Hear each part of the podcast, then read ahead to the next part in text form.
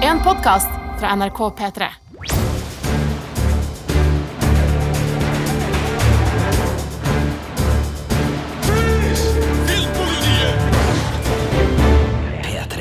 Velkommen til en ny podkast her i Filmpolitiet. Og dette er jo da serietips, hvor vi denne uken skal ta for oss Netflix. Det er Sigurd Vik og meg selv, Marte Hedenstad, som sitter i studio i dag. Det stemmer. Og det vi har tenkt å gjøre nå i denne podkasten og i ukene som kommer framover, er å dele litt serietips fra de ulike strømmetjenestene vi har der ute. Så for dere som liksom nå Å, hvorfor velger dere bare Netflix? Det er superkommersielt. Hva med de andre? De kommer. Vi skal la alle uh, komme til, til, bordet her. Og det her er ikke de serietipsene som er liksom de mest opp opplagte på Netflix. Altså Her skal jeg ikke tipse om Stranger Things og Orange is the New Black, men Marte, vi har jo brukt noen timer i sofaen, jeg og du. Altså, Vi har sett en del timer TV, og det er jo fra de timene med TV som vi har konsumert, at vi har plukka ut noen, ikke nødvendigvis sånn skjulte skatter, obskure serier. Her vil det komme titler som mange vil liksom kjenne igjen og si sånn ja, den er bra, eller fytti rakkeren, den er dårlig, hvorfor anbefaler de den? Men uh, vi tenker at det er greit da å dele litt fra alle de timene som er investert i det her. Noen personlige favoritter, rett og slett. Og det er jo ganske mange serier å ta av, for å si det eh, forsiktig. Eh, men vi har jo da plukka ut eh, fire hver, eller? Ja, vi ja. går for fire hver i dag, ja. som eh, kanskje har noen sånne bonustips som, som blir sånn slengere inni deg. Det er jo mulig at én anbefaling gjør at vi name-dropper en annen serie. Altså, vi, vi, setter jo ikke noe tak der, men det er fire serier hver da vi skal, skal trekke frem, og i denne episoden da fra Netflix. Og så kommer det jo da eh, en episode fra HBO Nordic, vi skal ha en episode fra Disney Pluss. Så har vi gjort det litt sånn lettere for oss sjøl på, på sammenslåinga, for vi tenkte vi skulle gjøre unna det her nå i løpet av uh, sommeren. Så uh, det kommer en uh, med Amazon og Apple. Det kommer en med Viaplay og Paramount Pluss, og så kommer det en med de norske, altså TV2, NRK og Discovery pluss eh, på tampen. Så vi skal få gått gjennom eh, det meste av det største av det som rører seg av strømmetjenester. Så sjøl om du da har valgt å bruke pengene dine på noe annet enn f.eks. Netflix og HBO Nordic, Fortvil ikke. Eh, din strømmetjeneste, hvis du har en, eh, skal også ja, komme her. Vi skal sikre at eh, du får noe å se på i løpet av sommeren. Og så vil vi jo si at det fins ikke noe kjøpepress her, så hvis du ikke har strømmetjenester, hvis du ikke vil ha strømmetjenester, også helt uh, fair. Ja, og hvis det... ikke du er interessert i TV-serier i det hele tatt, så er også det helt fair, men da skjønner jeg ikke helt hvorfor du hører på denne podkasten. Men hør gjerne videre. ja, veldig gjerne hør videre. Filmpolitiet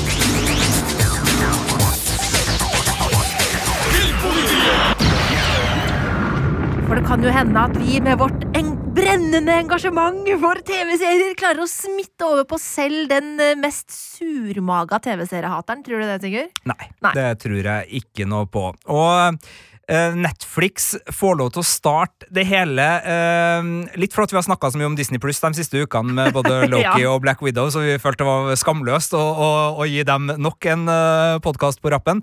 Men det er jo også strømmetjenesten som eh, ikke nødvendigvis var først ute. Jeg husker I Filmpolitiet så hadde vi vel i 2012 en sånn test over de ulike video on demand-tjenestene, som da var eh, Komoyo og ja, Viaplay, tror jeg fremdeles da var ja. i gang med videoutleie. og det, det, var jo en del eh, aktører som ikke lenger nødvendigvis er, er, med oss, men da Netflix kom, det var vel i 2012, så kom jo liksom eh, en ny eh, TV-seriehverdag, og for så vidt også filmhverdag altså, da for oss. kom back in the day så var det jo eh, videoutleie på fysisk format hjem i postkassa. Det er riktig, men da strømmetjenesten ja. Netflix, slik vi kjenner den i dag, ja, kom til norske skjermer i 2012, med liksom House of Cards som den store sånn ja. Eh, se på oss-serien, her skal dere få noe nytt, uh, og, og, slapp alle episodene samtidig, og det var jo, var jo hurra med rand. Men altså, de, de, har jo liksom vært uh, den Uh, første, på mange vis, og, og er vel i folks bevissthet i Norge, men det her har jeg ikke tall for, også, men jeg tror at Netflix er den største strømmetjenesten når det gjelder eh, seriekonsum også i Norge. Sjøl om jeg vet at eh, Disney har rørt veldig på seg, og jeg sitter ikke på tall på hvordan NRK og, og Sumo Eller TV2 Play, unnskyld. TV2 Play Ja, heter ja, nå. det De heter heter ikke TV2 Ja, Sumo, TV2 Play. Eh, og Discovery også. Jeg, jeg sitter ikke på tall her, altså, men, men jeg, jeg sitter med et inntrykk av at Netflix har en veldig sterk posisjon fremdeles, nå snart ti år etter at de kom til landet. Det var så mye historikk vi skal gidde å ha i den podkasten her, og beklager hvis det allerede begynner å bli kjedelig. Marte, kan ikke du begynne med serietips, da? Du Jo. får uh, podkastens første. Tusen takk for det, Sigurd. Eh, og vi skal eh, inn i eh, um, tenåringslivets verden, for det er jo noe Netflix er veldig gode på. De har mange gode high school-serier og, og tenåringsserier. De har veldig mange, i hvert fall. Veldig mange, og en god del gode. Altså, jeg anmeldte jo nylig den nye svenske tenåringsserien Young Royals til en god femmer på terningen. Anbefaler den også, hvis du har lyst til å se den. Eh, og nå nylig så kom det også en ny sesong av en TV-serie som jeg fikk virkelig stor sansen for da første sesong kom i fjor, nemlig Never Have I Ever. Og det her er jo en TV-serie som eh, er laga av Mindy Kaling, eh, som er kjent fra blant annet uh... Altså, Jeg kjenner hun best fra The Office, eh, Ja. hvor hun er en av castet som sitter på kontoret Riktig og spiller en rollefigur som både er veldig sjarmerende og som har noen litt kravstore sider. Men Ja. hun er jo mer enn bare skuespiller. Ja, ja, ja, og hun, har jo, hun er jo både serieskaper og har vel også tukla borti regi også. Men hun har jo skrevet noen The Office-episoder, vet jeg. Og så har hun jo skrevet den serien som hun er veldig kjent for, The Mindy Project, hvor hun selv spiller hovedrollen. Så var hun også med i The Morning Show eh, på Apple TV Pluss, for de som eh, så på det. Så hun er et kjent fjes, eh, og hun er eh, en utrolig kul og vittig eh, komiker. Og hun har da laga denne eh, serien her, Never Have I Ever, eh, litt sånn løst basert på sitt eget liv som indisk-amerikansk tenåring i USA. Hvordan det var å vokse opp med en indisk familie på en amerikansk high school, da. Og det er jo da Det handler om Devi, som er hovedrollen i, i denne serien her. spilt av Maitreyi Ramakrishnan. og hun ble plukket ut gjennom en sånn enorm castingprosess hvor det var sånn 150 000 jenter på audition. Hæ? Hva Ja, sa du nå? 100 150 000, visstnok. Altså, det her er Netflix som har sagt, da. Men jeg vet ikke helt hvordan Jeg tipper det var åpen audition hvor folk kunne sende inn sikkert audition-tapes, og så kom det inn 150 000 tapes eller noe sånt nå. Hun er plukket ut, eh, og hun er jo en helt eh, fantastisk kul eh, skuespiller, som jo da gjør sin debut i Never Have I Ever, i rollen som Davy, som er liksom den litt sånn nerdete jenta som har et sånn brennende ønske om å bli kul og populær, og som har et enda mer brennende ønske om å få seg type på high school, for det er på en måte det er det viktigste av alt, å ha en high school boyfriend. Er det her relaterbart på noe som helst vis, Marte? Og da tenker jeg egentlig mest på den første delen, for nå, nå, når du sa den andre delen, så, så merka jeg at jeg skal ikke bryte inn og, og si det, men den nerdejenta Ja, eh, på, på nei, high school, altså- er det noe du kjenner deg igjen i? Eh, både ja og nei. Jeg var jo litt sånn eh, det, det spørs litt sånn derre Altså, på ungdomsskolen så var jeg jo en eh, skjult nerd. Altså, man kunne ikke se på meg at jeg var nerd. Eh, mens på videregående så lot jeg på en måte min nerdighet komme til uttrykk. Du sitter nå i Ravenclaw-genseren din, bare så, så Eh, folk og, og, hvor jeg måtte fikk kommentarer som Burde ikke du egentlig gått på musikk, dans og drama, sånn basert på hvordan jeg så Hvordan jeg kledde meg og sånn. Ja, det er faktisk Så sjofelt. ja, ja, men det var, jeg har ikke noe hard feelings også. Jeg kledde meg ganske sprøtt i perioder. Jeg hadde et brennende ønske om å skille meg ut eh, på videregående. Eh, men nok om meg! Over til Davy. Hun vil jo på en måte skille seg ut, eh, men på en måte i den der populære gjengen. Eh, og hun eh, Altså, i sesong én, hvor vi blir introdusert for henne, så eh, har hun rett og slett uh, nettopp vært i rullestol uh, på grunn av at hun har blitt um, fått så stort sjokk i livet sitt. Faren hennes døde, og det gjorde at hun rett og slett ble paralysert og havna i rullestol. Men hun kom over paralysen og er tilbake på beina og skal starte et nytt år da på high school og er bestemt for at dette skal bli mitt år. Um, Det, det kan jeg kjenne meg igjen i. Jeg har, jeg har hatt sånne år der jeg liksom sånn det store innersvingåret. Nå, nå skal det jaggu Ja, ja, Ja. det, det, det finnes noen skoledagbøker der ute. Ikke sant. Og så er hun da veldig forelsket i Paxton Hall Yoshida, som er på en måte stjernen på svømmelaget. Eh, Hun har en eh, enemy som er Ben Gross, eh, som på en måte er den andre skikkelig nerden på skolen som er dritflink i alt, og de to liksom slåss om å være på en måte den beste eleven på skolen. Og så har hun da en en liten vennegjeng eh, som består av Fabiola og Eleanor, som er hennes eh, ganske sånne herlige bestevenninner.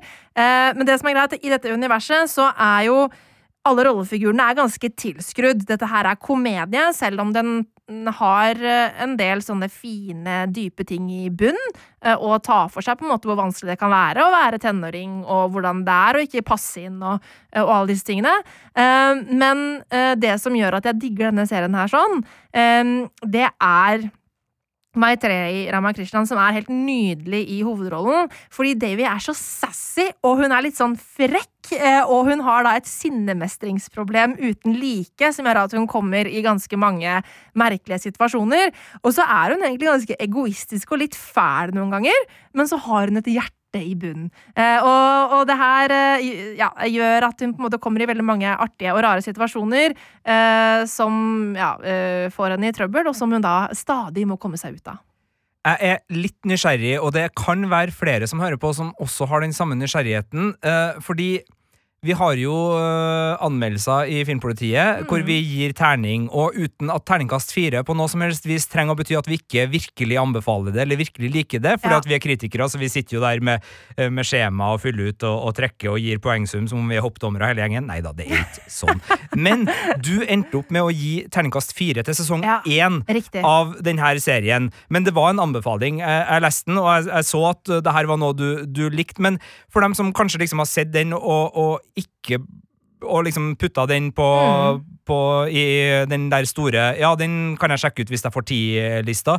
Eh, hva er det som gjør at du likevel anbefaler den så sterkt? Og etter å ha sett sesong to, for du har jo også sett uh, den, er, er det her en serie som i sånn sin helhet eh, har havna opp på en uh, femmer, kanskje totalt, eller er det fremdeles en terningkast fire-serie? Uh, I sesong to så får vi mer av det samme. Vi får Davy som handler i trøbbel, vi får Davy med gutteproblemer, vi får en Davy som eh, eh, gjør dumme ting basert på sine indre ønsker, og hun har liksom ikke helt eh, alltid like mye empati for andre i gjerningsøyeblikket. Um, men um, Sånn at det er litt sånn på en måte mer av det samme, samtidig som vi kommer litt sånn dypere inn under Davy, og hun tvinges til å ta opp en del problemer i livet sitt som hun eh, har prøvd å fortrenge. Um, likevel så syns jeg ikke at serien er bedre enn en terningkast fire fortsatt, og det handler eh, noe om tilskruddheten og klisjeene som, som eh, rollefigurene her er basert på. Um, og så jeg kan ikke som kritiker gi den mer enn terningkast fire, men på min personlige terning så er den jo en terningkast fem! det, det gir mening, men det er originaliteten på et eh, vis i, i rollefigurene og, og de eh, tropene og klisjeene man deiser igjennom, som gjør at du eh, som kritiker eh, Ja. holder den til en litt eh, hardere standard. Fordi venninnegjengen til Davy og, og de andre på skolen er troper som man har sett veldig mange ganger før, og som ikke nødvendigvis serien tilbringer noe nytt. Men i Davy eh, så er det jo noe nytt ved at hun eh, er eh, altså indisk-amerikansk. Og det er jo ikke veldig mange TV-serier som har en indisk-amerikansk jente i hovedrollen og får lov til å på en måte være ja, hovedrollen i en TV-serie, og med de kulturelle tingene det medbringer seg. Altså, det er utrolig masse nydelige ting som foregår med moren og med kusinen, og altså, i hele den storfamilien til Davy, som også bringer veldig mye lunhet og varme eh, inn i serien, som man, som man jo ikke har sett før. Så, så, og der er den terningkast fem. Eh, Men det er på en måte med Fabiola og Eleanor, hvor det på en måte eh, som er venninnene hennes, og, og også Paxton Hall Yosh- Yoshida, altså jocken, eh, det er der det ramler litt eh, ned til fireren, men det er alltid veldig veldig underholdende. Eh, Og så er det også sånn at det er en fortellerstemme som kommenterer mye av det Davy gjør. Og det er da tennisspilleren John McEnroe som er fortellerstemmeren. Oi! Ja, og det, er også, det, det virker jo utrolig merkelig, men det er fordi at han er en tennisspiller som var veldig kjent for å ha et stort temperament og være en liten sånn hissigpropp på, på banen. Um, og um, det er jo derfor eh, han da er kommentatoren til Davies liv, fordi hun er jo en liten hissigpropp som har litt problemer med å holde temperamentet sitt eh, på plass. Så gøy! Du, jeg har jo enda ikke begynt på den eh, serien her, men jeg, jeg, jeg skal gjøre det. Jeg skal, Ja. jeg skal begynne på den. Men da lurer jeg på, er det her en uh, serie Er det halvtimesepisoder? Ja, det Ja. stemmer det. Uh, er det her en serie jeg skal liksom uh, porsjonere ut og se litt etter litt, sånn utover eh, sommeren? Eller skal jeg liksom bare eh, holde av fredagskvelden, kjøpe den gigantiske pizzaen eh, og sprette den brusboksen og bare fråtse hele serien i, i én setting? Hva vil du anbefale, eh, og, og liksom hvordan man skal liksom bli få mest ut av, da. Ja. Uh, Never Have I Ever som, som serie. Jeg så første sesong i, i én sitting. Um, sånn, det blir sånn tre timer, noe sånn? Tre-fire timer? Ja, noe sånt. Ja. Uh, og jeg storkosa meg med det. Uh, og jeg så sesong to i nesten én sitting. Jeg så to episoder først, og så så jeg resten. Uh, og, og det funker kjempefint. Fordi at den er det er såpass korte episoder, og den er såpass lettbeint i formen at det er veldig lett å bare sluke den hel og føle seg sånn passe god og mett etterpå. Hvis du har noen andre serier som på en måte du kan trekke inn sånn Hvis du liker den, så liker du den. Altså, eh, Hvilke andre typer serier er det man eh, kanskje skal oh. være eh, på, på utkikk etter her? Altså, som, som, som ligner, og som kanskje da Ja. vil være en pekepinn på om man Eh, liker det eller ikke? Nå blir det fresh off the boat, da, for Ja. å det Ja, ish. Men det er jo, den er jo mer tilskrudd sitcom. I det, der er jo ikke helt uh, Never Have I Ever. Men den tar for seg en del av samme tematikken. Uh, og er også litt sånn der, Den er også litt sassy. Uh, for det, sassy er et veldig sånn Jeg- jeg liker beskrivende ord. Ja. Ja. Nei, men Veldig godt. Uh, Never Have I Ever ute med to sesonger på Netflix. Første tips ut i denne uh, Serietips Netflix-spesialen fra Marte Hedenstad. Da tenker jeg at uh, vi må over i noe mer seriøst. Jaså. Og um, jeg tenker det er jo valgkampår, altså det er valgår uh, i år.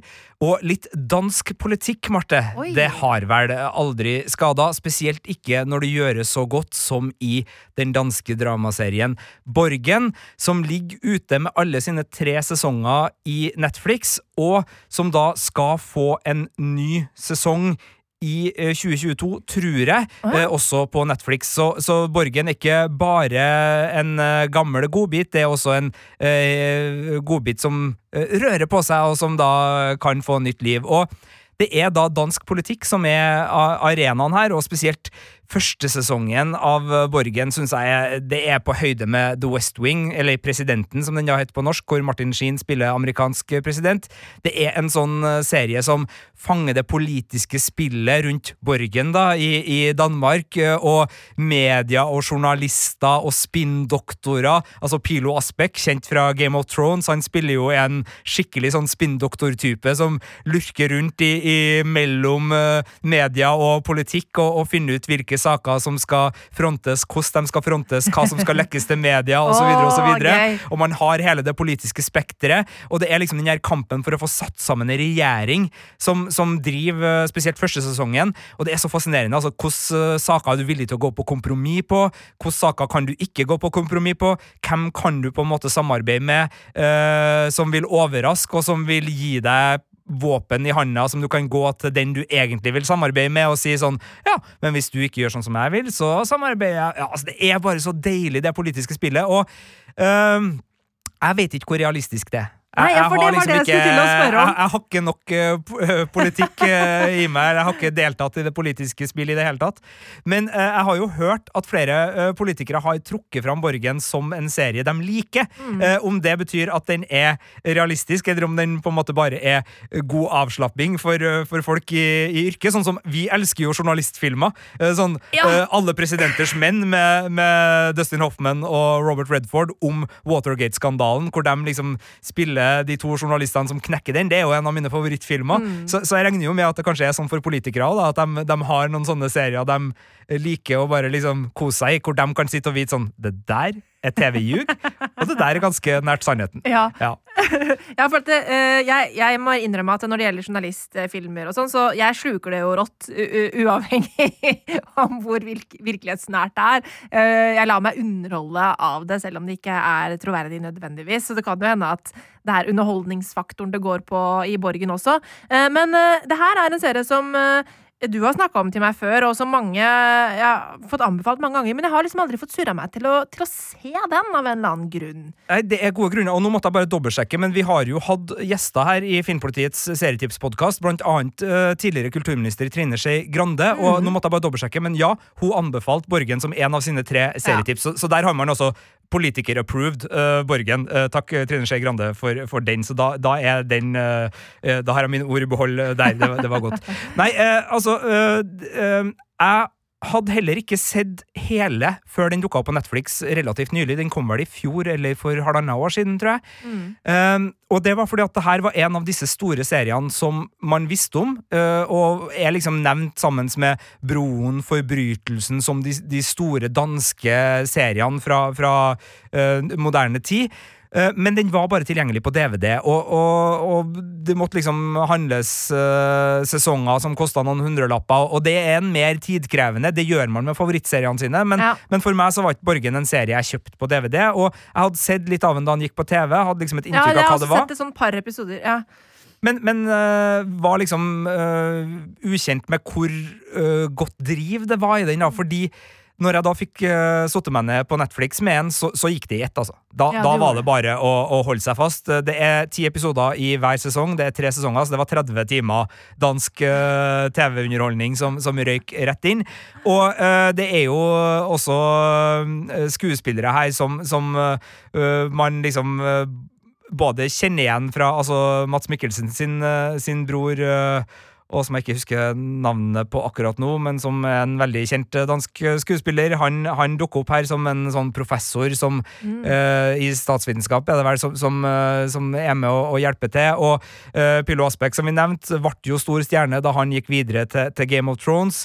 Eh, det er også eh, andre skuespillere her som har blitt eh, kjente fjes eh, eh, etterpå, men det er jo Sitze Babette Knutsen, også sett i Westworld, som da spiller Birgitte Nyborg, som da er vår hovedperson, hvis man kan si det i et såpass sammensatt rollegalleri, som er den, den store attraksjonen, spesielt da i, i første sesong, og det spillet rundt henne, og hvordan hun manøvrerer seg som en relativt sånn eh, partileder i et lite parti, men fordi hun er så dyktig og så god og, og vil så mye, eh, så, så er det ekstra fengende å følge henne da i, i hun det her er jo en spillet. veldig god skuespiller. Jeg kjenner at jeg har lyst til å se henne i den rollen. Altså. Bare, Ja. bare det at det er hun som spiller den rollen, får, gjør at jeg får lyst til å se, kjenner jeg.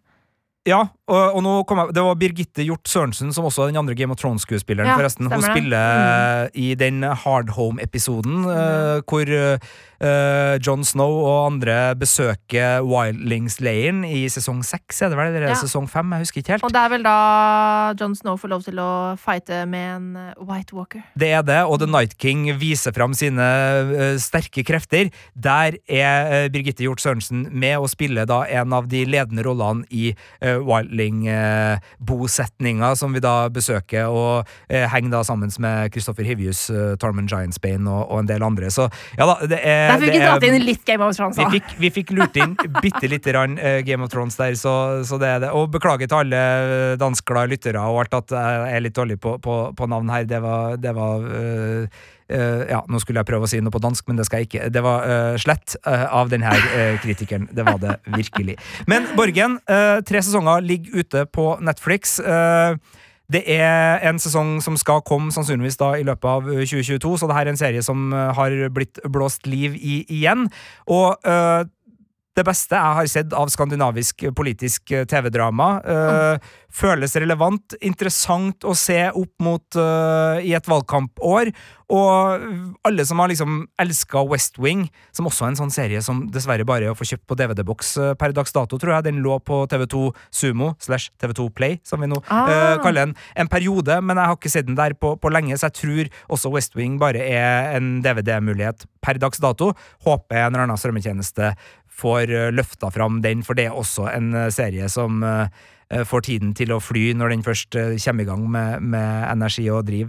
Men Borgen, om så du bare har lyst til å bruke ti timer, sjekk ut den første sesongen. Den står for seg sjøl. Det er en fantastisk dose skandinavisk TV. Jeg putter den på lista, Sigurdvik. Bra, Marte. Da skal vi fortsatt holde oss litt grann i ja, jeg kan jo kalle det politikk. Eh, Amerikansk eh, politisk historie. Eh, bare for å eh, gjøre det litt ekstra tungt. Eh, og det er dokumentarserie på Netflix jeg vil over til nå. Amend the Fight for America, eller USA, kampen for friheten, heter den på norsk. Har du sett noe til den i Netflix-scrolleren din? Jeg har ikke sett og jeg har sikkert scrolla forbi den, eh, vil jeg tro. For, eh, ja, ikke for det, altså Netflix eh, Og det tror jeg er en yrkesproblematikk, Marte. Vi bruker jo Netflixen til å se det vi skal anmelde. Det Så vi. nå driver Netflix og tror at jeg har en helt annen seriesmak og filmsmak enn det jeg faktisk har. Så, så det kan godt hende at jeg har scrolla forbi den, kan faktisk hende at jeg ikke har scrolla forbi den, fordi Wow! Netflix driver og mater meg en del Ja, rare ting. Den er ødelagt. uh, Jeg har ødelagt Netflixen din. Netflixen min. Du burde hatt en egen bruker. Du kan lage deg en til bruker som er uh, Sigurd-brukeren, i tillegg til anmelderbrukeren, vet du. Jeg, har prøvde å gjøre det der på, på Disney Pluss, men jeg ender opp med å bare Fordi uh, ofte så har jeg jo begynt å se på ting Ja. i jobb, og så skal jeg ja, Ikke nei. sant, jeg Men, men fordi jeg bruker Netflix både til å gå inn på kommende titler for å, å ha en oversikt over hva det er som kommer, Ja. og i tillegg til at jeg ser det vi skal se for å anmelde, så har jeg nå liksom sånn Jeg husker ikke hva det var, men uh, det var en av mine yndlingsserier, og jeg hadde 65% match med den. Så det er bare sånn, Netflix, du kjenner ikke meg i det hele tatt lenger. Du kjenner ikke meg i det hele tatt. Men, eh, men nok om det. Du har uh, en dokuserie her. Det har jeg, og den uh, kom jeg over helt tilfeldig, uh, rett og slett. Den uh, dukka opp i feeden min, hadde trynet til Will Smith på forsida. og jeg, jeg liker Will Smith, jeg! Jeg liker Will Smith, ja, jeg òg. jeg føler at du ikke liker Will Smith alltid. Du Altså, jeg, jeg, har, til Will Smith. jeg eh, ga vel terningkast to til siste uh, Bad Boys-film.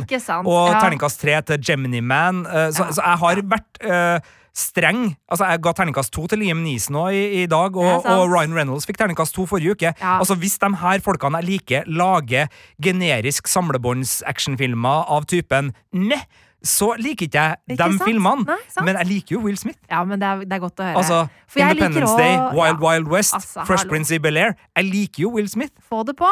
Um, og Will Smith han er da uh, hosten, verten, for denne dokumentaren, uh, som da handler om noe så tørt som det 14. grunnlovstillegget til den amerikanske grunnloven.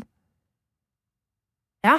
Jeg trodde liksom at jeg var tørrest med en dansk politikkserie, men her kommer du inn fra sidelinja og Ja. sørger for at uh, i hvert fall premisset ja. ligger relativt akademisk uh, latent. Men det er vel en grunn til at akkurat det her uh, tillegget er verdt en dokumentar. Det er akkurat det. Fordi at det her handler da om The Four Teens Amendment. Og det er jo sånn at det, veldig ofte når vi ser på film, og sånn, så hører vi om sånn der The Fifth Amendment. Sånn I call the fifth. Som er sånn der du, du, du, har, lov, retten til å tie og sånn. Eh, mens det er ikke alle som kanskje vet hva The 14th Amendment er. Eh, men det det er, faktisk er, det blir omtalt som da eh, altså, Det tar for seg rettighetene til USAs innbyggere og omtales som the equal protection of the law. Altså det tillegget til Grunnloven som skal sikre at alle som er født i USA, er amerikanske borgere. Og at alle borgere skal behandles likt og ha like rettigheter eh, og, og, være lik, likhet overfor loven. Eh, og denne, eh, altså dette tillegget har jo da blitt brukt til å kjempe frem like, like rettigheter gjennom hele USAs historie.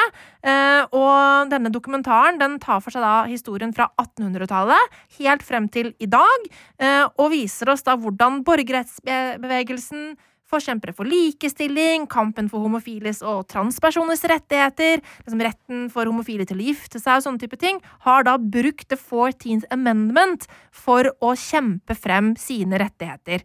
Eh, og retten til å stemme, ikke minst, både for svarte amerikanere og for kvinner. Eh, sånn at eh, dette her er et kjempeviktig grunnlovstillegg som har hatt utrolig mye å si for amerikansk historie. Og den serien eh, tar da eh, for seg forskjellige deler av liksom bekjempe, altså hvordan den, dette har blitt brukt til å kjempe for rettigheter opp gjennom historien.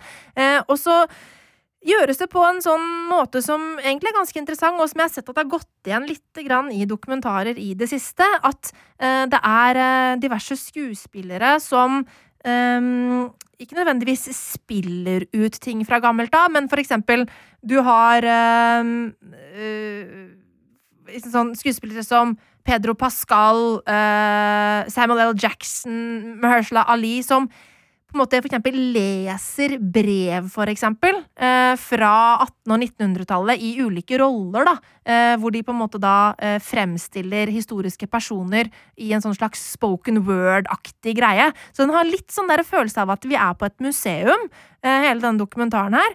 Men, men, det er et veldig spennende museum som jeg virkelig får lyst til å liksom være med videre i.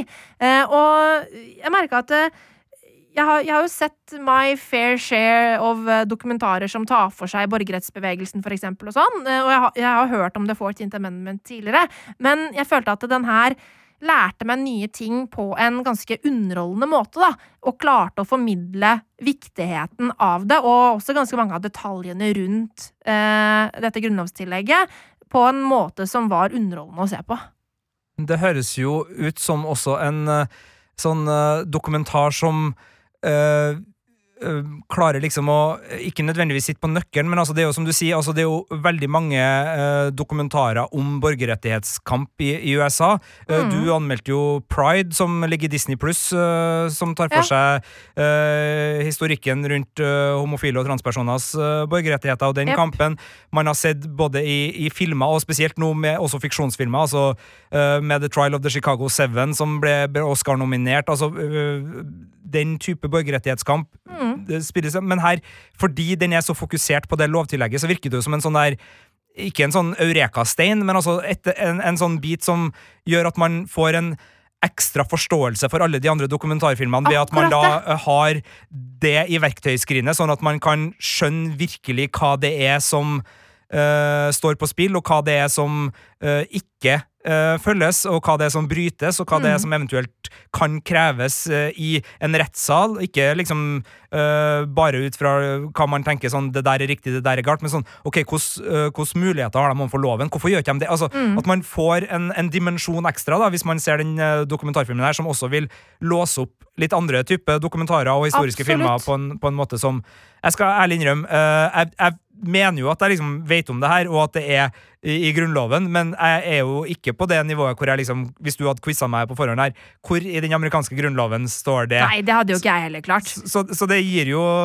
ikke bare liksom en øh, interessant historietime der og da, men det er også en dokumentar som potensielt da kan være med videre i å forbedre vår TV-titting og filmtitting. Ja, ja, virkelig, sånn som, og, og, samfunnsforståelse, da. Ja, skal, men sånn som for eksempel uh, hvis vi ønsker å Hvis vi går bort fra dokumentarer, da, men altså bare se på Mrs. America, for eksempel. Uh, det er jo basert på virkelige hendelser, men uh, uh, den tar jo for seg kvinnerettighetsbekjempelsen, eller hva i all verden skal Kvinnebevegelsen i USA, og motstandsbevegelsen, ikke minst. Og der er jo også The Fourteenth Amendment kjempesentralt. og det, det er kjempekult da å på en måte få bakhistorien på hvordan dette grunnlovstillegget kom til, og hvorfor det kom til.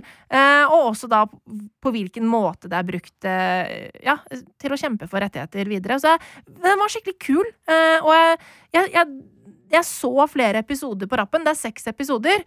Eh, og jeg tenker at det er ikke alle dokumentarer som handler om såpass tråde ting, eh, som får meg til å se mange episoder på rappen, så det syns jeg er ganske godt gjort. Altså, Jeg prøvde jo meg på uh, Banningens historie på Netflix, hvor min uh, store favoritt Nicholas Cage, som jeg syns er Ja, selvfølgelig lager mye drittfilm, han òg, men, men han, han, lager Altså, det er alltid interessant å se drittfilmene til Nicholas Cage, og han lager jo noen fantastiske også. Men, uh, men den hadde jo jeg håpa at jeg skulle liksom Men etter én episode, så bare Det her er jo Ja, hva var det jeg kalte det? Altså, det, det her er jo liksom sånn radioreportasje i TV-serieform. Mm. Altså, det, det, var så grunt, da. Det var liksom sånn her har vi banneord, og her har vi noen eksperter, og her har vi noen øh, kjendiser, og så var det sånn Nei. Jeg bare orka ikke noe mer. Nei. Så, så øh, en del av disse Netflix-dokumentarene kan være litt sånn her det, er dere, øh, og det kan hende at vi skal snakke mer om utover i, i denne øh, podkasten, for jeg, vet at vi skal øh, vi, vi har flere dokumentarer på, på, lager. Men det er veldig vanskelig med, med dokumentarer, spesielt i det tempoet Netflix spyr dem ut. Ja, og treffe den der Hvem er den her for? Ja. Og, og, hvor skal vi legge lista for liksom, hvor nøye og grundig og, og sånn vi skal være? Og mm. jeg syns av og til de bommer. Sånn som for meg så ble Banningens historie Det ble bare sånn her overfladisk pjatt. Det, altså, jeg ble ikke interessert. Ja, litt sånn opprinnelsen til ordene, men altså sånn, det, det er sånn Jeg føler at en, en radioreportasje på P1 ville ha gitt meg akkurat det samme. Ja. Eh, eller et, en, altså, et dypdykk i, i Språkteigen, som eh, da eh, også på NRK her, eh, ville ha gitt meg mye mer. Det, det føltes ikke sånn. Men her virker det som de har truffet balansen da mellom Uh, og, og uh, for, altså seks timer forklaring rundt mm. et grunnlovstillegg, uh, hvis det, det, det, heter. Beklager til dem som har ja, juridisk ja, kompetanse. Sorry hvis, hvis amendment ikke heter grunnlovstillegg. Ja. Men, men, altså, sånn, det skal jo noe til å få det til å bli så interessant, men her virker det som de virkelig har klart det. da, Og i tillegg klart å holde Will Smith såpass i, i, tøylene at det ikke mm. blir The Will Smith-show. For det ja, har ikke jeg inntrykk av at nei. nei. han på en måte guider oss gjennom det, men, men det er jo mange Den starter ikke med Wild Wild West-låta, og at han skal fortelle oss historien da grunnlovstillegg. altså Han rapper det ikke? Nei, altså, det er ikke uh, Fresh uh, Prince of the 14th Amendment. This is the story all of us Ikke sant? Ikke sant? 14th ja, Amendment. Nei, ja, ja, beklager til alle som hørte på dette. Neida. Men uh, den er kjempespennende. Jeg er glad for at jeg så den. Den heter altså USA kampen for friheten på norsk. hvis du har engelsk Netflix, sånn som jeg har, så heter den Amend the Fight for America. Du finner den hvis du søker på Will Smith i, i spilleren din. Veldig realt. Eh, da skal vi over til eh, en komedie som også er fra disse amerikanske statene. Wild Wild West? Eh, ja, for så vidt. For oss, i hvert fall. Men det her er et tips til alle dem som digger Parks and Recreation, The Office, Fredrikssons Fabrikk, altså arbeidsplasskomedien. Den der deilige sjangeren som tar oss med inn Ja, Brooklyn 99 kan nevnes her. Altså, det, det er mange. Men uh, hvor vi da kommer inn i et uh, arbeidsmiljø, møter et uh, ganske bredt rollegalleri, og så ser vi all den deilige situasjonskomikken som kan oppstå der. Både komikk som spiller på typer til typer vi kan kjenne igjen fra vår egen arbeidshverdag, men også da i hvert fall de beste, som klarer å gi et innblikk i, den, i det yrket og den arbeidsplassen, og kanskje pirke i ting i samfunnet som øh, øh, trengs å, å, pirkes i. Og den vi skal til, den har ikke gått på Netflix gjennom alle sine sesonger. Det er ikke en Netflix-serie, men i fjor så kom fem av seks sesonger, for nå har det kommet en sjette sesong, av Superstore på Netflix. Det er en eh, NBC-komedie, uh, egentlig, uh, og i likhet med da den store Emmy-vinneren Shits Creek, så har liksom Netflix fått rettigheter litt sånn etter at den har blitt stor, og har da dundra på med flere sesonger samtidig inn i spilleren, ja. og det gjorde at under koronaen så satt jeg og uh, nøyt Superstore i all sin herlighet, alle fem sesongene som uh, ligger der ute på, på, Netflix. Og det er da uh, kjøpesenteret, og da det, det, som kalles Big Box Store i USA, som ikke er liksom et sånt kjøpesenter med masse forskjellige butikker, men et sånt kjøpesenter hvor butikken har alt. Altså Livets butikk, Coop Ops det øh, vil være relevant. Ja. altså Coop Ops ja, har øh, alt du trenger! Ja, alt du trenger. Så, så, så, den type Eller Megastore, da. Eller, ja, øh, så, så, ikke kjøpesenter i den forstand at det er masse forskjellige kjeder Nei. under samme tak. Det er én butikk som har alt. Det er ulike aisles. Uh, there's an aisle for that. Og uh, det her er en serie som uh, pirker borti klasseskillene i USA på en måte som veldig mange amerikanske serier ikke gjør. Uh, den legger seg liksom under middelklassen og litt nedover, og ser på dem som jobber der, som da har det de trenger, men bare så vidt. Og, og de utfordringene de møter i sin hverdag, er andre enn de vi møter. For eksempel hvis vi ser på Parks and Rec og The Office, hvor de som jobber der, har litt bedre lønn og, og har andre typer samfunnsproblem å, å stri med. Så bare der syns jeg den er interessant, ved at den uh, foregår i et samfunnssjikt som, mm. som lar den uh, hamre løs på ting som uh, ellers ikke er der. Så er den uh, delelig bygd opp med at selvfølgelig så har den uh, et kjernegalleri av folk, og, og jeg syns det galleriet er helt nydelig, men den har også humor knytta til observasjonskomikk der du bare i pau pausefisken i den serien her er å bare filme rare ting som skjer på en sånn megastore. Altså fra folk som øh, nasker litt, folk som prøver klær på en rar måte, øh, altså folk som slikker på deodoranten for å finne ut hvordan den smaker. Altså, så, det er bare alt det der rare, absurde som er helt øh, borti veggen, ja. men samtidig litt sånn Ja, har ikke jeg sett noe sånt på en øh, butikk en eller annen gang? Og, og alt det smålige vi gjør på butikken. Altså, Har du aldri lukta på en deodorant på butikken før? Jo, jeg har ikke smakt på deodorant. Nei, jeg har ikke sma nei, er, smakt har jeg ikke. Og jeg har heller ikke brukt deodorant. Det tror jeg, jeg tror det er det som skjer, muligens et falskt minne hos meg. Jeg tror det er at de bruker Men altså sånn uh, Alt det der smålige folk gjør på butikken. Ved og, å bytte varer de du, ikke vil ha, og legge ting. Der har jeg en liten anekdote av smålige folk. Hør, Hedenstad. Fy fytti rakkeren, altså. Marte, kom igjen. Altså, eh, på min lokale storhandel, eh, så eh, som er jeg, jeg, jeg følger Som da er Coop eh, ja, okay, Ops, eller? Det er livets butikk Coop Ops. Eh, jeg følger de på Facebook. Eh, og de driver og melder inn på Facebook sånn 'Vi har et nytt parti med jordbær!' Og så, og er, så har det begynt å være ganske billig nå. Sånn 25,90! Og jeg er bare sånn 'Oh shit, fuck, det er en pall med jordbær til 25,90 norske!' Det er jo helt vilt. og sånn så er det ikke alltid jeg har muligheten til å springe til butikken dritfort. Um, jeg skal skynde meg å fullføre den historien, altså, sorry. Men jeg må bare fortelle. Fordi eh, det som er problemet eh, med sånn derre smålighet, der må jeg si Jeg har eh, prøvd å kjøpe jordbær på Livets butikk, eh, men så, så, så, ser jeg liksom på vei inn i butikken, så kommer det masse sånne gamle damer med handlevognene sine fulle av masse kurver. Altså, sånn, da snakker jeg om de svære kurvene, som har sånn ti kurver med jordbær oppi igjen. ikke sant? Toppet med jordbær! De er toppet stoppet. Og så kommer jeg bort til jordbærhaugen, så er det bare sånne små kurver igjen som liksom skal inneholde 500 gram jordbær. Jeg veier de på vekta, så er det sånn 300 gram jordbær. Og da har alle disse damene tatt fra de, de andre kurvene og toppet sine egne kurver! What the fuck is this?! Smålighet! Det er smålighet, og, og det der er kjernen av ja. Superstore. Uh, den ene kjernen, den andre kjernen er selvfølgelig Uh, kampen for fagforeninger, kampen for rettigheter, lik lønn. Altså, det er en komedie, men den, den har uh, substans, substans og, og, og, mer. Og uh, jeg vet ikke, var du Ugly Betty-fan? Hallo! Jeg elsker Ugly Betty. Altså, America Ferrara, hun var bare queen. Og det er America Ferrara som er hovedpersonen. Amy Sosa i denne serien. Hun er helt nydelig.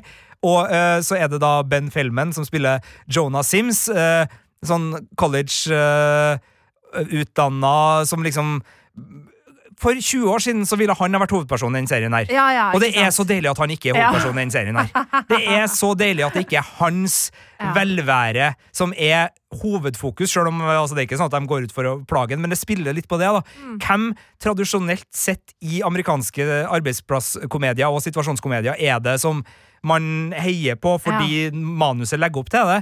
Og hvem er det det ikke er så farlig om ikke får jobben og ikke får forfremmelsen og ikke får mulighetene. Mm. Her lekes det litt ja, det med de forventningene, så det gjør det enda bedre. Og det er et rollegalleri eh, som er aldeles eh, nydelig. og den tar opp liksom alt fra sånne småting som om hvorfor folk samler på Nike-sko og Air Jordans, til Eh, hvorfor Green Day ikke er et godt tema for dåpen til ungen din. Uh, altså, det, er så mye rart her. Uh, og det er Ja, jeg, er skikkelig glad i den. Den er ikke like god som The Office og Parks and Rec og, og de aller, aller beste arbeidsplass... Altså, jeg vil holde Den er ikke kanskje, like smart eller like morsom? Nei, den har, den har ikke de samme høydepunktene. Altså, det, det er noen Altså, The Office det er vanskelig å nå det nivået. Rett og slett. Altså, øh, og, men, men den er ikke langt unna. Og, og en jevn Office-episode og en jevn Superstore-episode vil gi meg som TV-titter mye av det samme. Men liksom øh, det, det, øh, Den meme-fabrikken som er Steve Carell og gjengen i The Office, altså det her er ikke det. Nei. Og jeg vil si at The Office og, og Parks and Rec, og kanskje også Brooklyn 99, for jeg er veldig glad i Brooklyn 99, er på sitt beste i hvert fall bedre, men det her er i den kategorien. Det er, i, det er en del av den gjengen. Så i stedet for da å sitte og anbefale The Office, Parks and Rec og Brooklyn 99, som jeg selvfølgelig anbefaler, så plukker jeg opp Superstore og sier at for dere som liker det, sjekk ut den her. Mm. Uh, den er uh, god i første sesongen, og den er god i femte sesongen, men den er best i andre, tredje og fjerde. Sånn Ja. som det ofte er med sånne Det tar litt tid før det setter seg. Det er akkurat det. Ja. altså Første sesongen av Parks and Rec er heller ikke spesielt god. Nei, ja, den, Det er når eh, rollefigurene begynner å skjønne- med, ved gjensyn så har jeg hoppet over første, av Park, første, person, første sesongen av Parks and Rec. Ja, den har, det, altså det er en litt annen serie, Mm. fordi rollefigurene er ikke helt sånn i synk med skuespillerne som framfører dem. Ja. Så det er noe med, med å finne seg sjæl, som uh, noen norske popartister har snakka om opp igjennom. Så, uh, men uh, ja. Skal ikke si eh, mer annet enn at Superstore, for deg som savner en halvtimes eh, frossenpizzaselskap-serie som også har substans og, og litt eh, tankegods som er verdt å bryne seg på, så er det her en deilig eh, episode. Og kanskje den amerikanske Nei, arbeidsplasskomedien som er nærmest Fredrikssons fabrikk for dem som har savna eh, litt mer den eh, Ja. Mm. Ok! Din tur, Marte Hedenstad. Fredrikssons fabrikk. Er den mulig å se i NRKs nettspiller, da, mon tro? Eh, Hvis du fortsetter å snakke nå, så skal jeg undersøke ja, det må eh, du undersøke, for Ja. den uh, har jeg ikke sett siden jeg var et bitte lite barn og ble tvunget til å se den sammen med mine foreldre. Men anywho, vi skal inn i eventyrenes verden, fordi jeg, jeg kan jo ikke anbefale masse serier uten å anbefale en fantasyserie. Det hadde jo vært helt uhørt. Unnskyld, nå meg må jeg bare avbryte her, Ja. fordi uh, Fredrikssons fabrikk ligger i appen NRK TV. Så hvis du har lyst til å se en eh, veldig gammel eh, norsk eh, Norsk-svensk? Ja, norsk-svensk. Ja. det er vel norsk? Ja da. eh, Men selv eh, om hoved, en av hovedrollene er svensk. Ja. Så han Fredriksson er jo riktignok svensk. Hvis du vil se det, eh, du finner det på appen eh, NRK TV. NRK TV. Da skal du få fortsette på Netflix-spesialen vår, Marte. Ok! Jeg har eh, opp gjennom eh, tidene eh, dissa Netflix mye for ræva fantasy. I år så kom det en eh, TV-serie som jeg eh, koste meg med, og tenkte at endelig har eh, Netflix laga eh, bedre fantasy, og jeg snakker om Shadow and Bone. Fordi det her er et litt sånn eh, en fantasy-serie som klarer å skape et levende univers. En, en, verdensbygging som jeg tror på, og det er jo veldig viktig for meg. Um, og dette her er en serie som er basert på Lee Bardugos populære eh, Grissaverse fantasy-bokserie. Um, og handler da eh, om eh, to unge mennesker, én som blir utvalgt, og så er det litt sånn kampen mellom det gode og det onde, da, bare sånn for å, for å sette det sånn helt, eh, helt ned på, på det grunnleggende. Um, og jeg tenkte litt grann at denne serien her kanskje var en serie som var litt for obvious å, å anbefale, fordi vi har sagt sånn ja, vi skal ikke anbefale The Crown, og vi skal ikke liksom anbefale ditt og datt, så jeg var litt sånn usikker på om jeg kunne ha med Shadow Altså, and Bone. vi anbefaler The Crown, men vi Jo, skal ikke gjøre det her. Nei, men altså sånn at Vi skulle skulle liksom ikke ta de mest åpenbare titlene. Men, men du har jo ennå ikke sett Shadow and Bone, Sigurd. Nei, eh, det var jo en sånn eh, liten uh, fin Enda jeg ga den terningkast fem, hæ? Ja, men altså, eh, jeg, jeg trives jo i eget selskap, så det å møte meg sjøl i døra syns jeg jo er aldeles eh, nydelig. Eh, og jeg sa vel, eh, da du ga den terningkast fem, at ja, det blir helgas serie, den Ja, skal jeg se. sånt, og, ja. og, nå sitter jeg jo og sier lignende ting, så det at jeg lyver så det renner av meg, det, det er det jo Du skal tvil heller gå hjem og se Superstore igjen.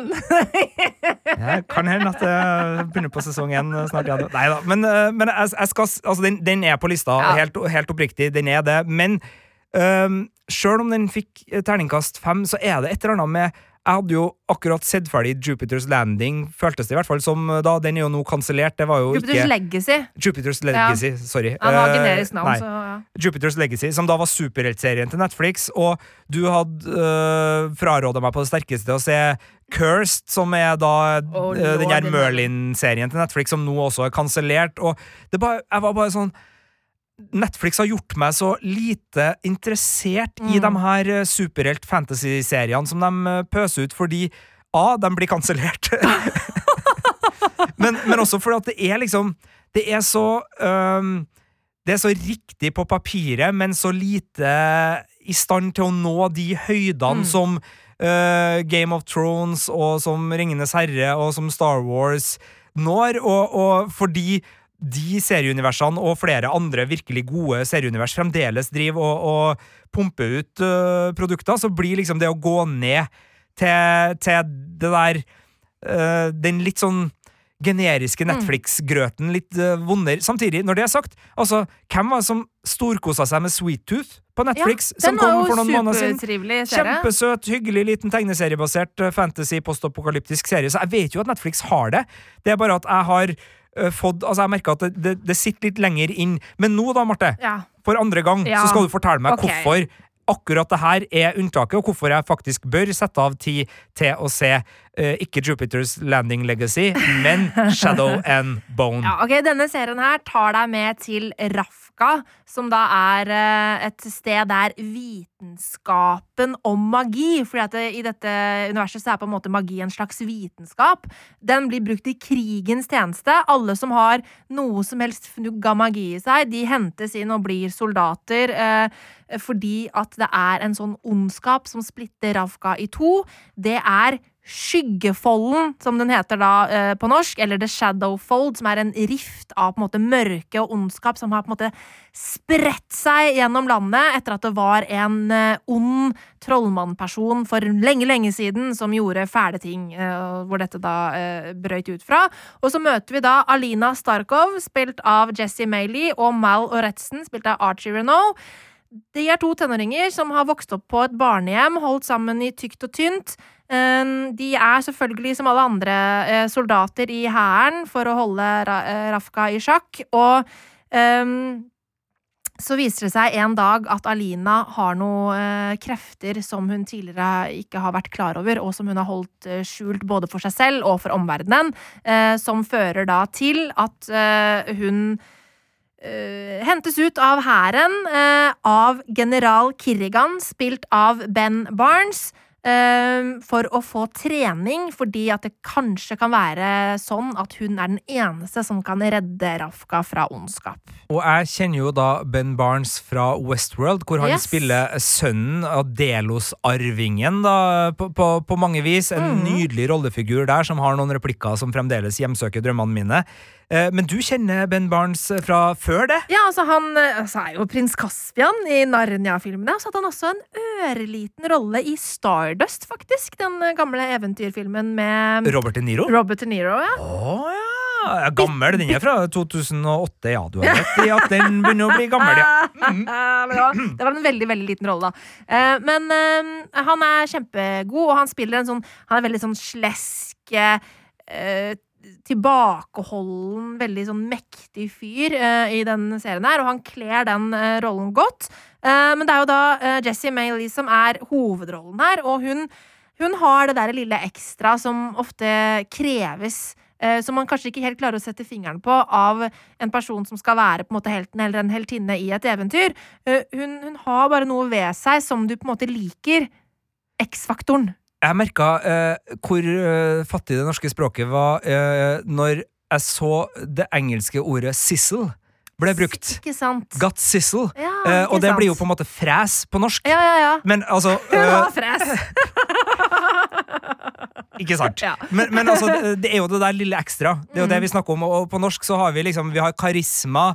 Vi har eh, stjernefaktor, vi har tilstedeværelse, altså presence, som de Mm. bruker. Altså det man har foran kamera, som gjør Ja. at man virkelig uh, oppleves som blikkfange. Og man har blikkfang, altså man har mange ord. Mm. Men det er noen ord som kanskje engelsk har, som norsk ikke har, og, og da telles vel heller ikke schwung eh, på norsk. Eh, så, så, så det er noe sånn, men, men hun har da Ja. det lille ekstra. Hun har det. Hun eh, er en umiddelbar ja. stjerne. Ja. Eh, og det som også da er veldig bra, er at eh, serieskaper av Eric Heister han klarer veldig kjapt å etablere henne som en stjerne, eh, og som en person å bry, bry seg om i serien. Samtidig som, også, som han også klarer å etablere det forholdet mellom da Alina og Mal, som er hennes beste venn. Eh, I allerede første episode så eh, forstår jeg eh, deres bånd.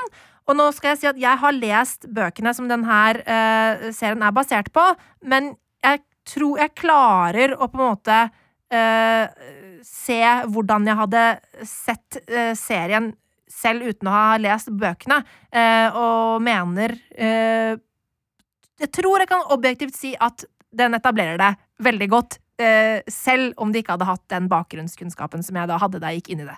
Velkommen til spalten Jeg tror jeg kan objektivt si, eh, med Sigurd og Marte.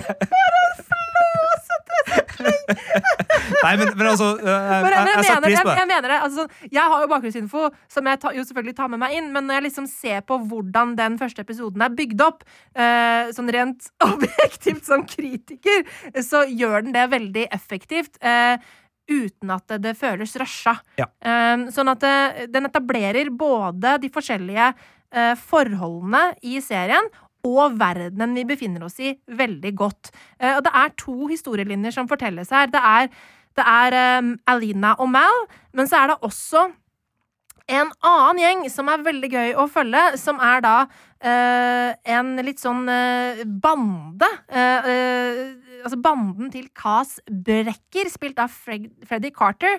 Han er en røver, rett og slett. En liten kriminell fyr som, eh, som eh, holder til i en annen by, og som får et oppdrag som har noe med Alina å gjøre. Da. Han får et sånt lyssky oppdrag som han må utføre. Um, og han har en sånn der gjeng med misfits med seg som er skikkelig artig å følge.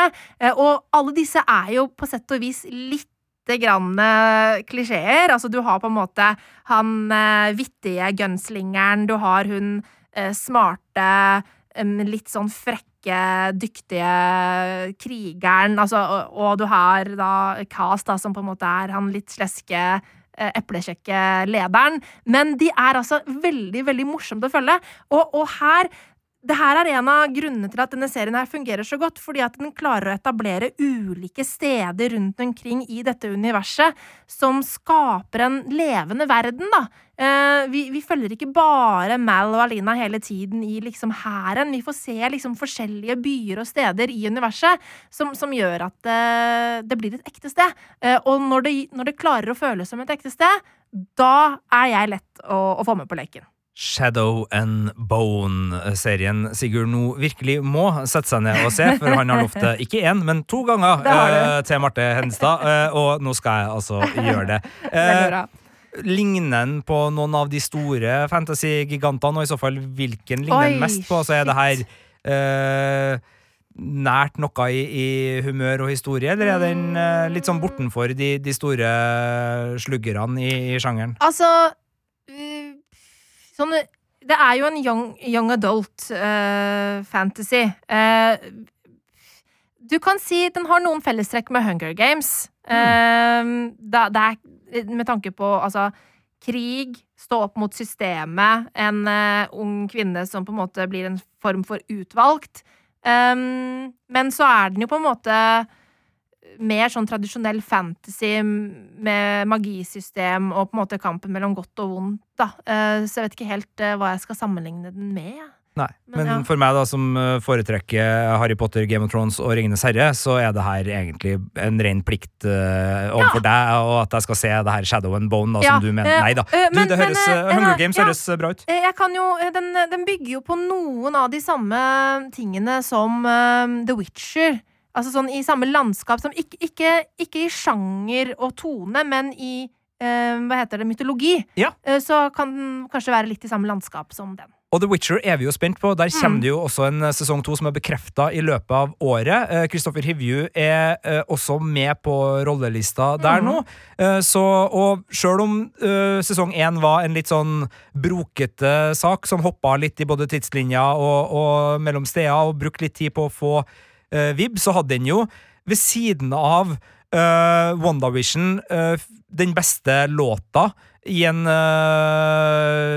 fiksjonsserie.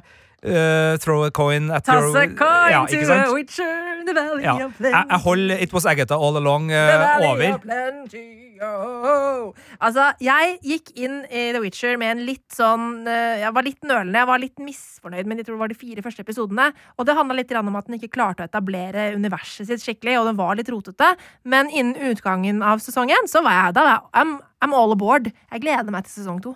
Du er på The Witcher-toget. Det Er det? er godt. Ligger også på Netflix med sesong én, og som sagt, eh, i desember er det vel eh, sesong to ja, 17. kommer. desember, tror jeg det var. Ja. Det var eh, fantasy-biten av denne Netflix-poden. jeg kom også på at litt av grunnen til at jeg ikke var så gira, var at mye av det du sa om Rift og barnehjemsbarn og magiske krefter, Ja. overlapper med eh, den der Sherlock Holmes-serien som Netflix slapp i påska. eh, som jeg ikke husker navnet på akkurat nå, men Ja, som var en det. eh, serie satt til eh, Baker Street med Watson og noen barnehjemsbarn som etterforska en rift uh, til en annen Ja. dimensjon. Uh, den uh, likte ikke jeg så godt, men, men det her høres jo meget bedre ut. ja. Min neste serie er nok en komedie, så vi skal tilbake dit. Denne gangen ikke til USA, men til Storbritannia og til uh, en serieskaper som jeg og du, Marte, er veldig glad i. Fordi i eh, 2019, da vi skulle eh, kåre årets beste serie, så var førsteplassen eh, Phoebe Waller-Bridge sin.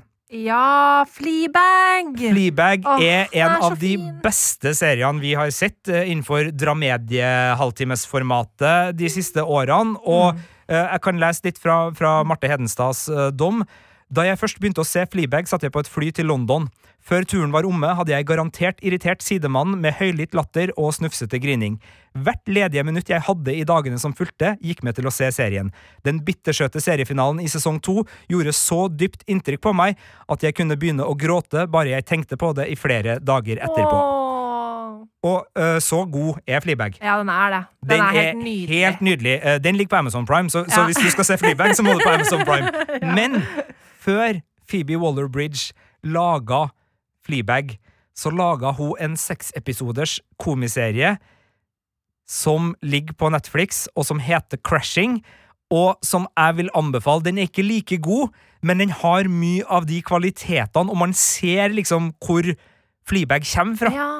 Og det syns jeg er fascinerende. Det handler om en gjeng unge mennesker som bor i et øh, på et sykehus som ikke er et sykehus lenger, som dermed har blitt et slags kollektiv, hvor du kan leie deg inn for en rimelig penge, og så har du felleskjøkken, og det er ikke sikkert du har øh, dør på rommet ditt, men, men du har da en madrass å ligge på, du bor billig da i, i London og, og kan klare det. Og så driver de, det er kunstnere, de jobber litt, altså de, de driver og klarer å komme seg øh, gjennom liksom hverdagen. Noen er der som nesten gift og sparer penger til depositum på et hus eller en leilighet. Andre lever bare liksom livets glade dager. Og det er en veldig grovkjefta, eh, sexfokusert, eh, drøy eh, komedie som gjennom de seks episodene stort sett handler om ja, det er mye puling. Det er veldig mye fokus på puling. Men bak den pulinga så ligger det jo usikkerhet. Altså, eh, hvem vil jeg være sammen med? Det er selvfølgelig spørsmål om seksuell identitet. Hva er det egentlig jeg vil? Hvorfor driver jeg og plager denne personen? Er det fordi jeg egentlig har følelser for denne personen?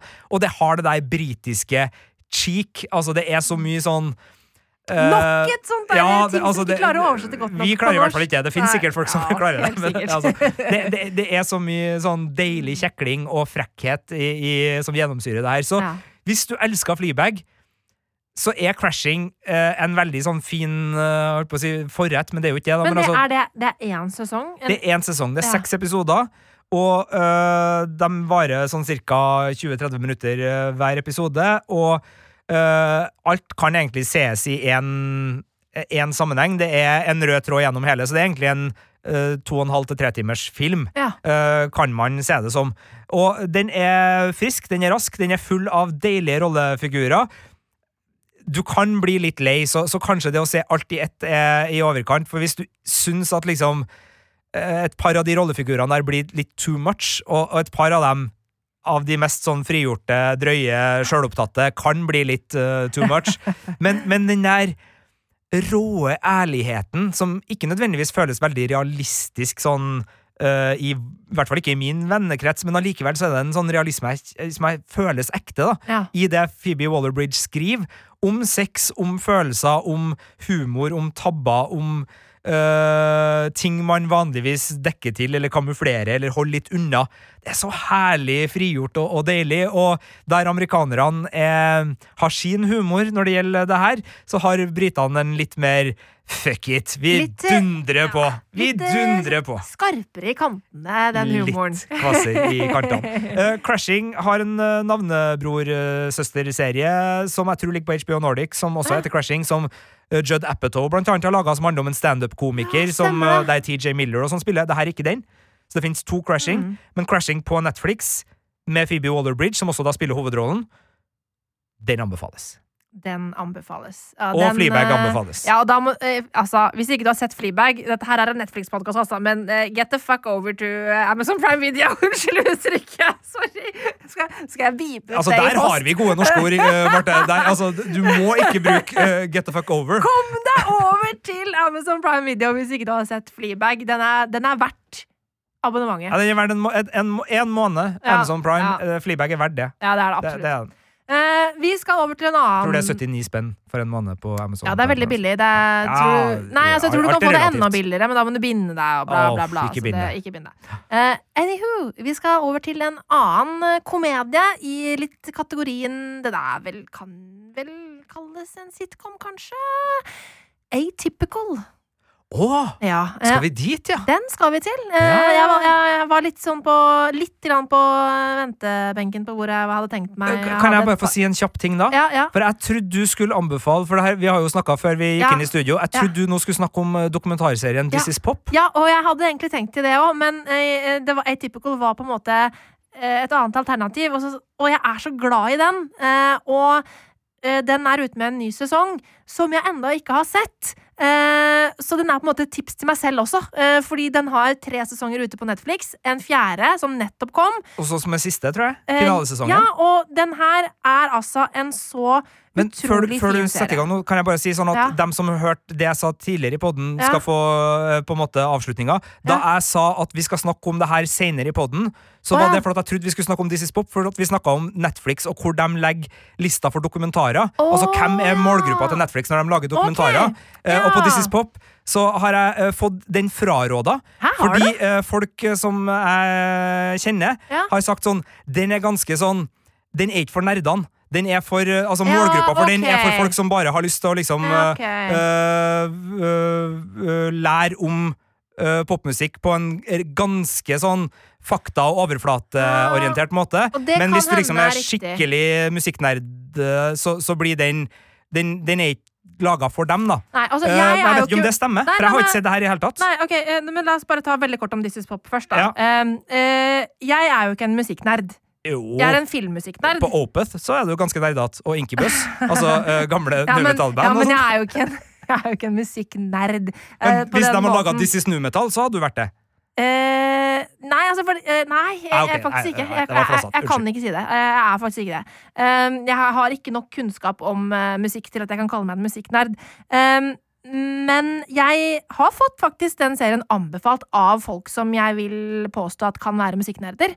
Eh, fra flere hold. Så der er det nok litt Ja, eh, de lærde strides. De lærde strides nok. Jeg storkoser meg med, i hvert fall med This Is Pop, så den er også et anbefaling. Og, og den skal jeg sjekke ut, nemlig Ja. uansett. Det var, det var Ja. bare en diskusjon uh, litt i, i en utstrakt vennekrets der om, om den liksom sånn Hvordan er den? Og så var det noen som Ja, den er ok, men så var det andre sånn Ikke hvis du er sånn Nei. Hvis du er Ja, ikke nei, den, den var liksom ikke første, grundig nok, første da. Episode, ja, eh, første episode er vel um, om hiphop, hvis jeg husker riktig. Og der har jo Netflix en annen uh, dokumentarserie. Evolution. øh, Ja, som jo er bedre, selvfølgelig. Men dette her er jo uh, evolusjonen til pop, ikke sant? Så jeg vet ikke om det kanskje er Uh, der det kanskje, hvis noen har sett den første episoden og tenkt at her, de går jo ikke godt nok inn i historien til hiphop her, men der har Netflix en annen serie som man heller kan se. Men det- Eh, men det skal handle om Atypical. Eh, og det er en eh, helt nydelig serie om en eh, 18 år gammel gutt av, ved innledningen i første episode, som er på autismespekteret. Han heter Sam, og han sliter med å finne plassen sin på high school. Og gjennom de tre sesongene som jeg har sett, så følger vi da han gjennom hans utfordringer gjennom det å liksom prøve å ha en vanlig hverdag. For han ønsker veldig veldig gjerne å ha en helt vanlig hverdag og klare å leve som en helt vanlig ungdom um, gjennom high school og frem til han skal begynne på uh, college. Um, og det her er en sånn uh, serie som klarer å på en måte gi oss litt grann innblikk, da, og klare å forstå litt hvordan det kan være eh, å være på, på spekteret, eh, og hvilke utfordringer det kan være, eh, uten at den på en måte blir noe sånn klisjémessig, sånn som ganske mange eh, filmer og serier kan være når det kommer til eh, folk som har autisme. Um, og det handler nok mye om at uh, de som er på Spektrum i denne serien, er det i virkeligheten. Um, han som spiller uh, Sam, uh, Keir Gilchrist, han, han, har det i virkeligheten, og bringer selvfølgelig da mye av det inn i sin rollefigur Sam. Um, og denne her er en sånn serie som virkelig er laga med kjærlighet, og handler jo da ikke bare om Sam, men også om de utfordringene som familien hans også sliter med med tanke på at han har eh, en del utfordringer med å være vanlig tenåring. Eh, for eksempel eh, hvordan søsteren, som heter Casey, spilt av Bridget Lundy Payne, forsøker å ta vare på han. Hvordan hun kanskje føler at hans syndrom på en måte har tatt fra hennes liv. Eh, og det kan være vanskelig, selv om hun jo elsker han, ikke sant. Også, og hvordan eh, den eh, påkjenningen det er å ha en sønn med ganske store utfordringer, er for ekteskapet, for, for til foreldrene. Så den her er på en måte veldig ekte og fin, eh, samtidig som det er en komedie. Og, og klarer å på en måte tøyse med det som er vanskelig også, selv om den alltid gjør det med en sånn slags lunhet eh, og, og kjærlighet. Um, og det er jo litt sånn derre sitcom-formatet, det her, uh, og det, det kler egentlig serien veldig godt. Um, men uten at det på en måte det blir for lettbeint, da. For det er jo en del Det kunne fort blitt flåste, liksom. Um, når det handler om en fyr som syns det er litt vanskelig på skolen fordi han, han klarer ikke forstå hvordan alle rundt seg tenker. Han, han sier ting han ikke burde sagt. Ikke man kunne gjort det der veldig, veldig tilskrudd. Uh, men den serien her klarer å skape humor ut av de situasjonene uten at det blir påtatt og teit, hvis du skjønner. Uh, og den er skikkelig fin. og jeg det er en serie som jeg har blitt skikkelig skikkelig glad i, uh, og jeg har blitt veldig glad i Sam og Casey, som Uh, også har sine egne ting. Hun uh, utforsker sin egen seksualitet og syns det er vanskelig, og har en del uh, altså forventninger til hvordan hun skal være, og sånne type ting, som, som sikkert mange kan kjenne seg igjen i. Um, så jeg er utrolig spent på, på, den sesongen som nå er ute, nummer fire, som jeg ikke har sett, og jeg gleder meg skikkelig til å se den. Um, fordi den her var en sånn type serie som var mer enn jeg trodde da jeg gikk inn i det. Jeg trodde det var en veldig lettbeint sitcom, og det er det jo for så vidt, men den har en dybde som veldig få andre serier av samme type har. Så herlig. Mm. Atypical, altså. Få det på. Det er bare å binche det. Mm. Tre sesonger, nei, fire sesonger fire ute. Sesonger du har sett de, de tre første. Yep. Og anbefaler på det varmeste. Mm. Veldig bra. Da er det bare én serie igjen i denne podkasten. Ja. Eh, en anbefaling. Og jeg har anbefalt den her øh, ved flere anledninger. Eh, det er ikke alle som liker at jeg anbefaler den her, for at jeg har fått tilbakemelding på en del som sier at men den der var ganske kjedelig, Sigurd. Oh, ja. Og den der uh, funka ikke helt for meg. Men så har det skjedd noe som gjør at jeg tenker at uh, nå kan folk kanskje gi den en uh, ny sjanse. Uh, det er nok fremdeles en serie som ikke er for alle, men um, Godless er en. Netflix-westernserie laga av Scott Frank, som kom ut i um, Det var vel i 2018, var det? Nei, 2016! Det er så lenge siden. Dæven, hæ? Er det så lenge siden? Ja. Nei, øh, uh, laga i 2016. Kom ut i, i 2017, var det. Ja, ja, 2017 men likevel, det er ganske mange år siden. 2017 Ja. kom den inn på Netflix. Og øh, den er skrevet og regissert da, av Scott Frank, som siden det har skrevet og regissert The Queen's Gambit. Som er den store sjakkserien til eh, Netflix, som vant Golden Globe, og som nå er nominert til Emmy for beste miniserie. Og eh, uten at det har noe som helst å si for Godless, for den er jo laga før og har ingenting med The Queen's Gambit å gjøre, så eh, er det kanskje noe som gjør at noen får litt sånn ja, ok, hvis jeg likte Queen's Gambit og det uh, Scott Frank gjorde der, Ja. så kanskje jeg liker andre ting Scott Frank har gjort. For det er jo sikkert mange som syns sjakk er kjedelig, som digga The Queen's Gambit. Det kan også være. eh, Det er jo litt for at The Queen's Gambit mer eller mindre er Karate Kid med sjakk, eh, Veldig men det, det får så være. Jeg, liker The Queen's Gambit, altså. Jeg synes kanskje bare at den, Den er litt oppskrytt. Den er, Ja. ja, altså jo, det, den er jo det. den er litt oppskrytt. Altså, den, den, den, Eller, den, den er ikke nødvendigvis oppskrytt, men den er den er eh, ikke banebrytende. Nei, den, den har fått litt for uh, mye goodwill, kan vi vel kanskje si, Ja. eh, i flere kretser. men, men den er en god serie. Det er også Godless. Jeg likte den. Ja. Men jeg har Og- ikke sett Godless. Men Nei. det er fordi at, som du sier, du mente at det her ikke var en serie for alle, og jeg tror jeg ble liksom litt skremt da du anmeldte den her, fordi at jeg er jo ikke en sånn stor western-fan i utgangspunktet, og at jeg da tenkte at ok, men da er ikke det her noe for meg. Nei, for det er en seig og estetisk vakker western. Og jeg liker Med- jo seige og vakre ting. Det gjør du, og og den har et, et godt plott. Altså, hovedplottet her er at i en liten by i gamle, uh, gamle dager i USA, så, så er det en gruveulykke som gjør at de fleste av mannfolka i en liten gruveby uh, dør. Uh, og da er det en by som stort sett er befolka av damer, og en halvblind sheriff. Eh, og det gjør dem til et eh, bytte i Ja. disse lovløse tider.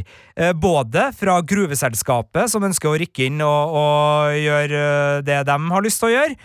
Men også fordi, og, og her er det jo en, en skuespiller som jeg vet at veldig mange er glad i, Jeff Daniels spiller en superrar, sånn omstreifende bandeleder Jeg liker jo han som veldig også er liksom havner i ytterkanten av det her. Så da har du liksom uh, satt uh, spillet, da. Men oppi det her så skjer det mye mer. Og det er en miniserie på uh, Det er vel seks episoder, og, og det, det, det skjer masse mer her, altså, men, men det er liksom plottet. Og så er det fine relasjoner og masse sånn typer til typer vi møter her. og en gjennomført lekker estetikk. Altså, Den er ikke på Deadwood-nivå når det gjelder å være westernserie, men det er en veldig sånn vellykka westernserie fordi den gjør alt den prøver på.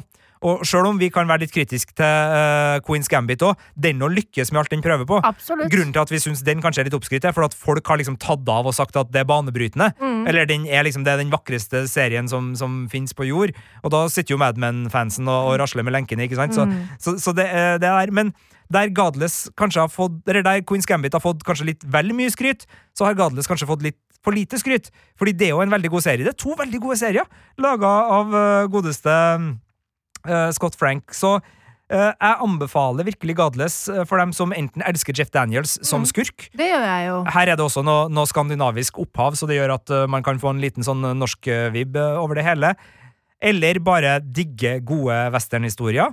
Den har en feministisk brodd, hvis man ønsker ønsker det. Sånt liker jeg jo. det. Og det er jo bra. Og det er um, en sånn serie som jeg liker å drikke kaffe til. Det gjorde jeg jo med Bonanza da jeg vokste opp på. Eh, Ikke sant? altså- Og da mista du meg. ikke sant? Men, men altså, det er en plass jeg liker å være. Du Jeg drakk kaffe til Bonanza da du vokste opp! Altså, øh, vokste opp når, altså, sånn øh, videregående, tidlig studentliv, da gikk fremdeles Bonanza på Drakk du kaffe på videregående? Det gjorde ikke jeg. Ja, oi, oi. Oi, oi, oi. Ja, ja. Man, man drakk øh, kaffe Eller for å jo, altså, jeg drakk jo eh, kaffe mokka med krem og ville mengder eh, sjokoladesyrup oppi. Ja. Jeg gjorde både det og svart kaffe, og gikk i losjakke og hørte på Nick Cave til jeg holdt på å ramle av stolen, og ja. Ja, okay. gjorde alt det her. Eh, disse. Og okay. apropos Nick Cave, altså denne serien er befolka av folk som kunne ha ramla ut av tekstuniverset til Nick Cave. Altså sånne fæle Altså i disse murder balladsa til Nick Cave. Den type uh, fæle mennesker som gjør fæle ting mot hverandre, er det i Godless. Altså, det ligger i navnet. Det her er en gudsforlatt uh, plass. Så hvis du liker de tingene her, så er Godless en, en god anbefaling. Som jeg, altså Den var på topplistene til Vanity Fair, og det var veldig mange altså Kritikerne likte den veldig godt. Men jeg merka både i vennekrets og, og blant andre at den hadde liksom et ord på seg blant Netflix-brukere i Norge for å være en litt sånn Nei, den er litt kjedelig. Og jeg kan Ja. skjønne, fordi den er langtekkelig, den bruker lang tid på å etablere seg, og den, krever, altså den har en rytme og en, og en estetikk som er litt sånn Ja, du må konsentrere deg litt, og du må, du må være med på det. Men hvis du kommer inn i det, så er det en utrolig eh, fin serie som gir tilbake. Ja. Så, så eh, ja, gi den en sjanse til hvis du hadde den på, på kanskje-lista. Hvis du merker at det jeg har sagt her nå er sånn her Ja, det høres kjedelig ut, det var det jeg tenkte. Så har du rett, da er den for deg. Nei, men Dropp da har du fått eh, noen andre tips forhåpentligvis i løpet av denne podkasten som du kan ta med deg videre. Og hvis du ønsker å snikskryte, hvis du sitter og snakker med noen sånn i forbindelse med MU-utdelinga, og The Queen's Gambit kommer opp, og du har lyst til å si sånn Ja, ja, ja, ja. Scott Frank, ja. Skal du si, ja, oppskrytt. Uh, nei, nei, det kan du si.